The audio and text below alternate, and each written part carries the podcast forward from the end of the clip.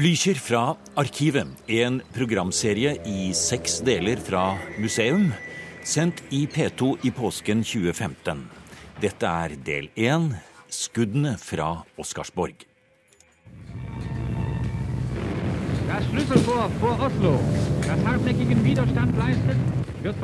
I dag er hele festningen på Oscarsborg i Oslofjorden fredet. Det skjedde den 9. april 2014, med regjering og riksantikvar til stede. Høytidelig ble det da markert at norgeshistoriens viktigste festning nå var blitt historie. Siden har Forsvarsbygg brukt nærmere 70 millioner kroner på utbedringer og restaurering. Og vi må vel nesten si at denne middelalderaktige borgen på Kaholmene ved Drøbak har blitt en populær gjestehavn og et utfartssted med utendørs opera, arrangementer, hotell og konferansesenter, flott museum og moderne ferge til og fra fastlandet. Men sånn var det ikke da det programmet vi nå skal høre utdrag fra, ble laget. I året 1985 var det stor bekymring for hva som skulle skje med kystartillerianlegget på Oscarsborg. Befalsskole og hundeførerskole var etablert, museet var åpent i sommerhalvåret, men det var fortsatt et militært anlegg. Og det var fortsatt flere sterkt oppegående veteraner som kunne fortelle om hvordan de selv husket det som skjedde den historiske natten da krigen kom til Norge. Programmet het 60 minutter om 9. april 1940 og var en del av en serie senere årlogskaptein, KS-direktør, men daværende programsekretær i NRK Radio, Arvid Weber Skjerpe, laget.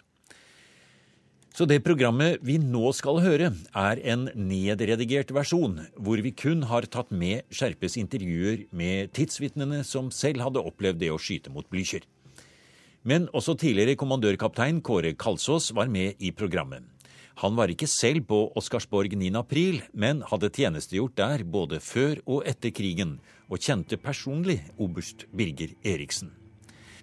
Vi går inn i programmet fra 1985, der programsekretær Arvid Weber Skjerpe spør Kalsås om hvordan han vil beskrive den flåten som var på vei inn Oslofjorden natt til 9. april 1940. Det var jo en meget sterk flåte. Og den ble ledet av, som vi kjenner til, Blücher, som var uh, den tyske flåtes uh, stolthet. Men uh, formasjonen var jo ikke egentlig, og dette har noe med situasjonen å gjøre, den var ikke egentlig taktisk. Det var en paradetur med Blücher i spissen. De tok den meget utilbørlige sjanse å sette den forrest, ikke sant fordi den skulle lande i Oslo med musikkorps og med eh, tropper som var gjort klar til marsj opp Karl Johan. Og der var det de gjorde sin store eh, feiltagelse. De hadde ikke satt opp flåten ut ifra taktiske forutsetninger. Dvs. Si de ventet ikke.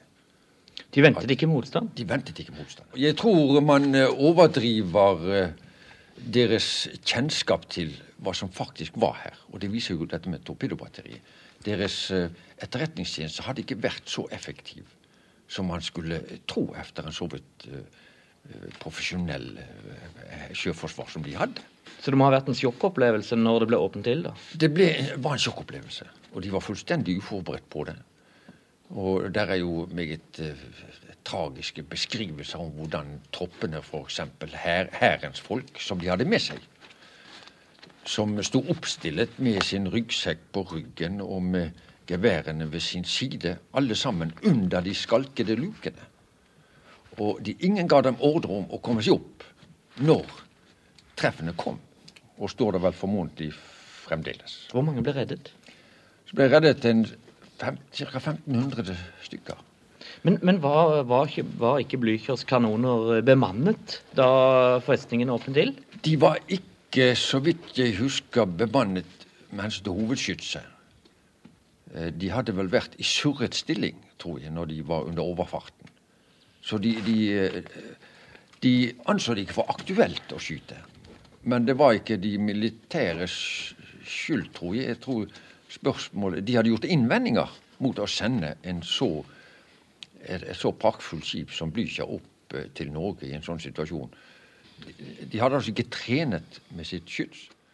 I dette programmet, som er en nedredigert versjon av et program fra 1985, forteller krigsveteranene Kåre Kalsås, Lars Gjerberg, Hans Solli og Kolbjørn Høie om det de selv husker.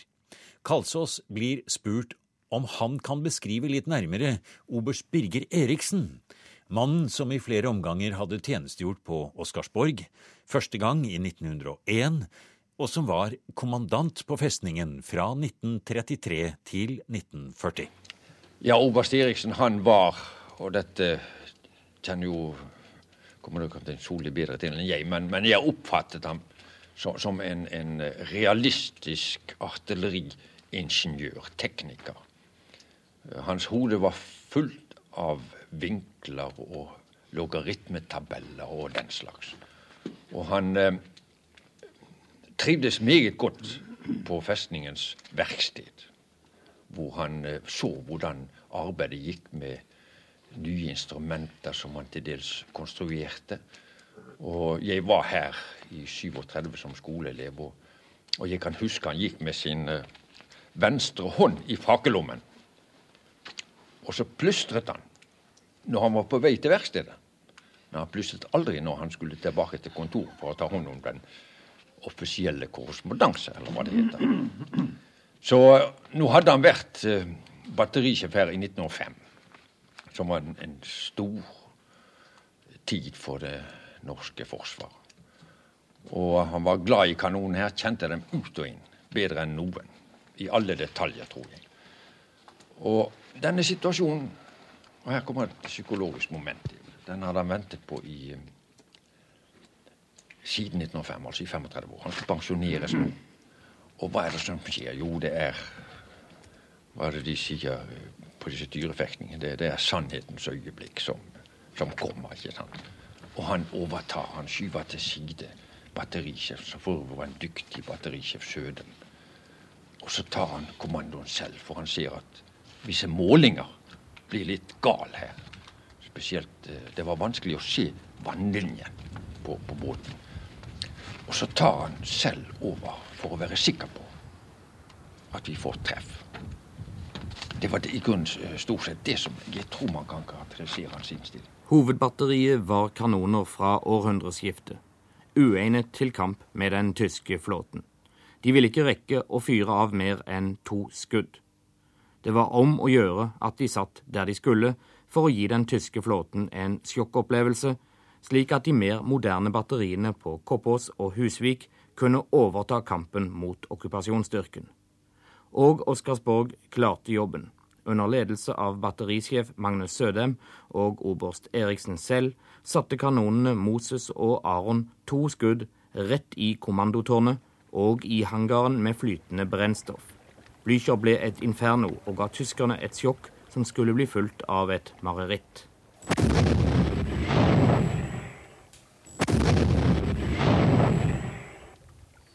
Men eh, siden vi står nå her ute ved kanonene Moses, Aron og Josva, og har med oss tre av dem som var med 9.4, så kunne vi kanskje starte med den som var på Koppos-batteriet, og det var major Gjerberg. Og uh, Gjerberg, dere som var på Koppås-batteriet, som altså ikke ligger på selve Oscarsborg, men på andre siden av fjorden her. Blir dere fornærmet når dere hører at det var Moses, Aron og Josva som senkte Blücher? Ja, jeg vil i grunnen si det. Fornærmet det er kanskje ikke det rette uttrykk, men vi er noe skuffet over at man i alle disse årene etter krigen har liksom konsentrert seg om Borgen og hovedbatteriet. Og i grunnen uh, skjøvet Koppås-batteriet, og ikke bare Koppås-batteriet, men også Husvik-batteriet og luftvernbatteriet på Seiersten noe i bakgrunnen. Fordi uh, det var tross alt uh, skutt nokså mye fra de tre batteriene der. Og det var ikke kanoner fra Krupp 1895-modell? Nei, det var det ikke. De var nok atskillig yngre. Det var engelske Armstrongs kanoner, de tre. Det var tre kanoner i Koppås-batteriet. Og det var 15 cm Armstrongs-kanoner. De var vel regnet for å være forholdsvis moderne, kan man si. I hvert fall så var de ganske hurtigskytende. Man skjøt med de fem-seks skudd i minuttet med en god betjening. Når det gjelder Husvik batteri, som også bør nevnes, så var det to 57 mm kanoner.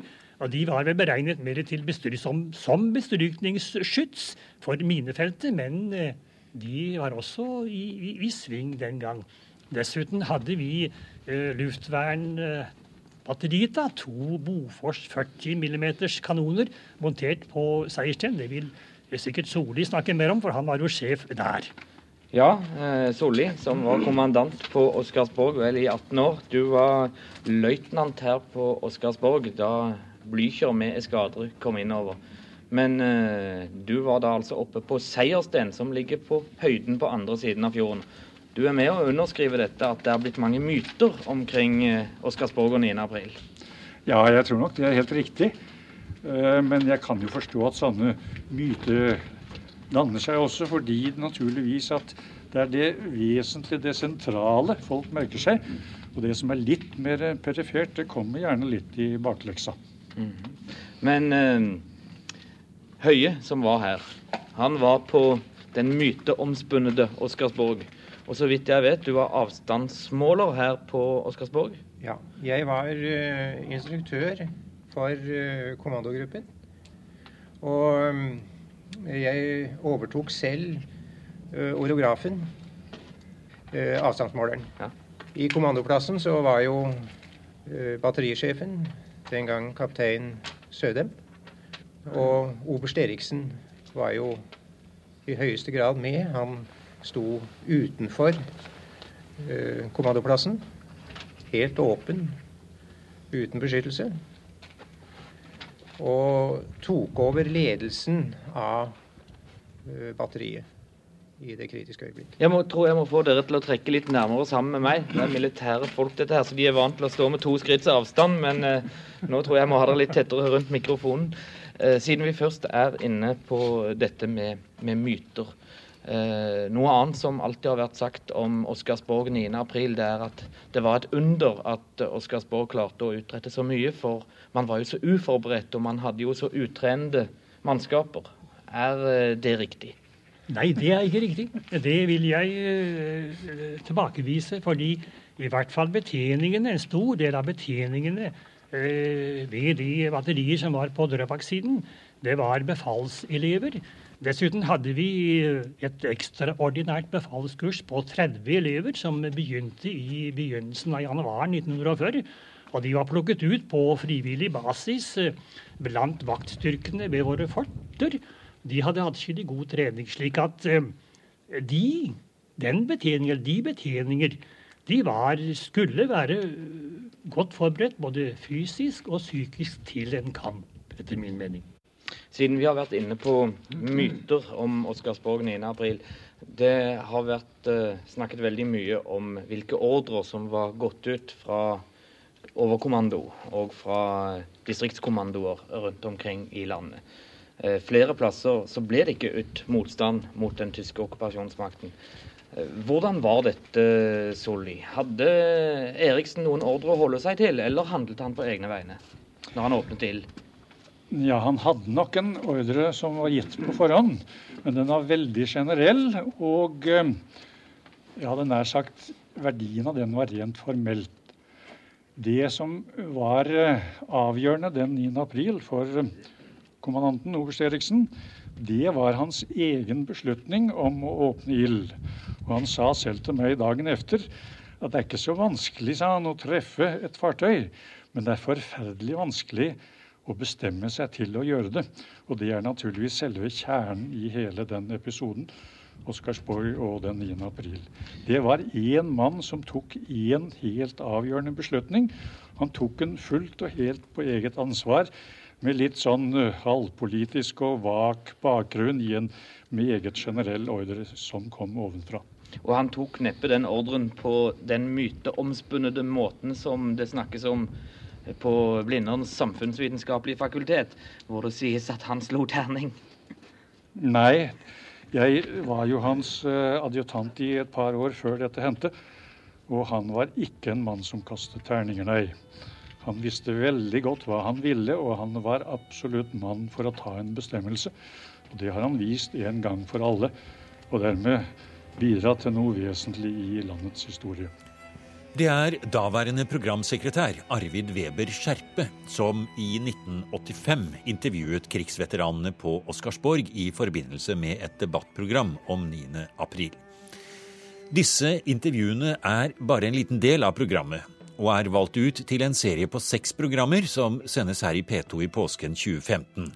Blykjer fra arkivet kaller vi denne serien, og den går parallelt med opplesningsserien Verdt å lese, hvor det dreier seg om Alf R. Jacobsens bok Krysseren Blykjer. I siste del av denne serien skal vi vende tilbake til oberst Eriksen og høre mer om de prøvelsene han måtte gjennomgå i den militære undersøkelseskommisjonen i 1946, og hvordan han senere ble hedret for sin innsats som krigshelt. Men nå vender vi tilbake til programmet fra 1985, hvor kommandørkaptein Hans Soli, som selv ble kommandant på Oscarsborg i 1957, forteller om hvordan det føltes da han som løytnant hadde kommandoen på batteristillingen ved Seiersten og så de tyske skipene komme. Ja. ja, det kan man jo si at uh, det var en slags sjokkåpning for oss også. Vi var jo ikke men mentalt sett noe særlig forberedt på at dette skulle skje. Og jeg kan nå i dag, så lenge etter med et smil, uh, huske at jeg uh, bokstavelig talt kløp meg selv i armen og lurte på om dette virkelig var sant. Jeg skjønte jo på den ene side at, at, dette var virkelighet, men på den annen side var det for ubegripelig at vi plutselig befant oss i denne høyst spesielle situasjonen. Eh, sjokkåpningen eh, ga seg ikke så forferdelig markerte utslag i og for seg. Jeg må si at uh, i retrospektiv så må jeg si det at Eh, det gjorde naturligvis inntrykk i og for seg, men, uh, men noe slags panikk eller redsel, det var man egentlig ikke i stand til å føle. Fordi nemlig at alt dette var jo drillet inn. Og det er jo den store fordel ved militær disiplin over drill, som vanligvis overses helt, at når det så kniper, så behøver man ikke å tenke så veldig mye. Da gjør man det man har lært, og det går veldig automatisk. Og noe særlig følelsesmessig utslag gir det seg ikke. Nå skal vi eh, komme tilbake mer nærmere til selve Blücher og hva som skjedde med den. Men eh, Høie, det var jo ikke slutt med senkingen av Blücher. Om eh, det ikke var riktig med denne myten om Moses Aron og Josva som senket Blykjør nærmest alene, så ble Oscarsborg, hvor disse kanonene var, utsatt for et kraftig bombardement etterpå. Ja. Og da var du her. Ja. Omtrent antagelig i nærheten av der vi er nå. Ja, det vil si vi etter at uh, Blücher Vi var ferdig med uh, vår jobb her i hovedbatteriet. Vi kunne jo bare skyte de to skuddene. Uh, og da måtte vi se å komme oss i de underjordiske gangene her. Og vi var der under bombingen. Det vil selv var jeg ute da de første bombene falt. Det var også oberst Eriksen kommandanten. Og da syns vi det begynte å bli litt kritisk. Nå er jo denne øyen bokstavelig talt bygget på sand. Og sandgrunn sier man vanligvis ikke alltid er det beste. Men egentlig når man blir bombet, så er det vel ikke så dumt å være bygget på sand? Altså, Øya er eh, naturligvis av stein. Men uh, disse verkene som er lagt her, det, som er bygget opp, det er sand. Det er riktig. og det er også riktig at sand er en fremragende beskyttelse, fordi den fjærer og sprekker ikke. Og den fyller seg selv. Etter et granatnedslag så fyller sanden som uh, blir blåst opp, den fyller uh, gropen og, og, gir en veldig fin beskyttelse. Da Oscarsborg ble bombet, da var altså du på luftvernkanonene på Seierstensholli ja. og hadde ansvar for å være med og prøve å få ned disse flyene. det Fikk dere ned noen av disse moderne tyske flyene? Ja, vi gjorde det, men uh, vi hadde én vanskelighet, og det var at kanonene var plassert altså Det var jo 40 mm, det er ikke noe voldsomt kaliber, det. var plassert litt for langt ut på siden. Slik at avstanden fra oss til flyene ble et par tusen meter, og det er litt for mye for 40 mm. Og det var naturligvis eh, eh, nokså utslagsgivende for resultatet av vår ildgivning. På den annen side så kan man jo si at siden vi står litt ut på siden, så var vi beskyttet for det tyskerne, altså flyverne, de skjønte jo ikke at vi sto ut på siden. De så sikkert efter oss nede i nærheten av det som var deres mål. Men der var ikke vi. Vi var altså oppe på høyden over Drøbak. Ja, når du var på den høyden over Drøbak eh, Du hadde vel egentlig ventet at engelskmennene kom til unnsetning, og det var vel egentlig det du trodde òg, når du plutselig så et stort krigsskip ute i, ja, nesten i horisonten? Ja, ikke bare trodde jeg det, men jeg sa det også til mine 14 menn, at nå er det gått akkurat sånn som jeg tenkte at da tyskerne kom inn, så fulgte engelskmennene efter. Og der er den første engelske krysseren. Den går nå på tvers i fjorden utenfor Filtvet. Og nå altså, har situasjonen snudd totalt. Og det var jo et, eh, en tanke som kanskje lå nokså nær i og for seg, men den var fullstendig gal. For den krysseren jeg så, det var lommeslagskipet Lützow, som umiddelbart efter åpnet ild mot festningen og skjøt tre salver mot Oscarsborg, som alle traff. Men eh, Lützow trakk seg tilbake da den så hvordan det gikk med Blücher?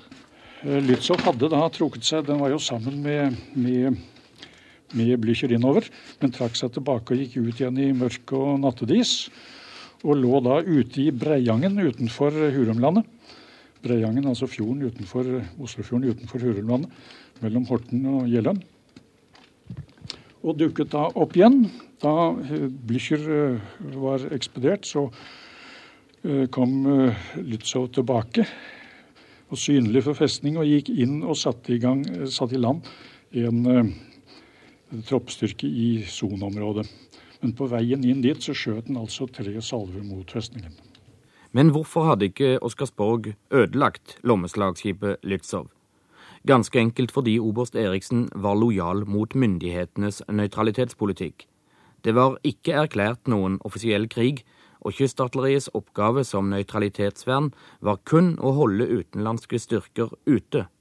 Om oberst Eriksen hadde beskutt et skip som trakk seg tilbake, ville det vært jevngodt med en norsk krigserklæring. Men ved å senke Blücher og tvinge resten av eskadren til retrett, hadde kystartilleriet senket invasjonen, slik at konge og regjering kom seg i sikkerhet, og tyskerne fikk oppleve sitt lengste felttog i sine angrep på vesteuropeiske land. 9.4.1940 gjorde Oscarsborg til et av våre viktigste nasjonale monumenter i moderne tid. Men eh, så vel Oscarsborg som kystartilleriet har lange tradisjoner, mye lenger enn 9.4. Ja, hvordan ble egentlig Oscarsborg til? Hvem er den rette til å svare på det? Er det deg, det, Solli?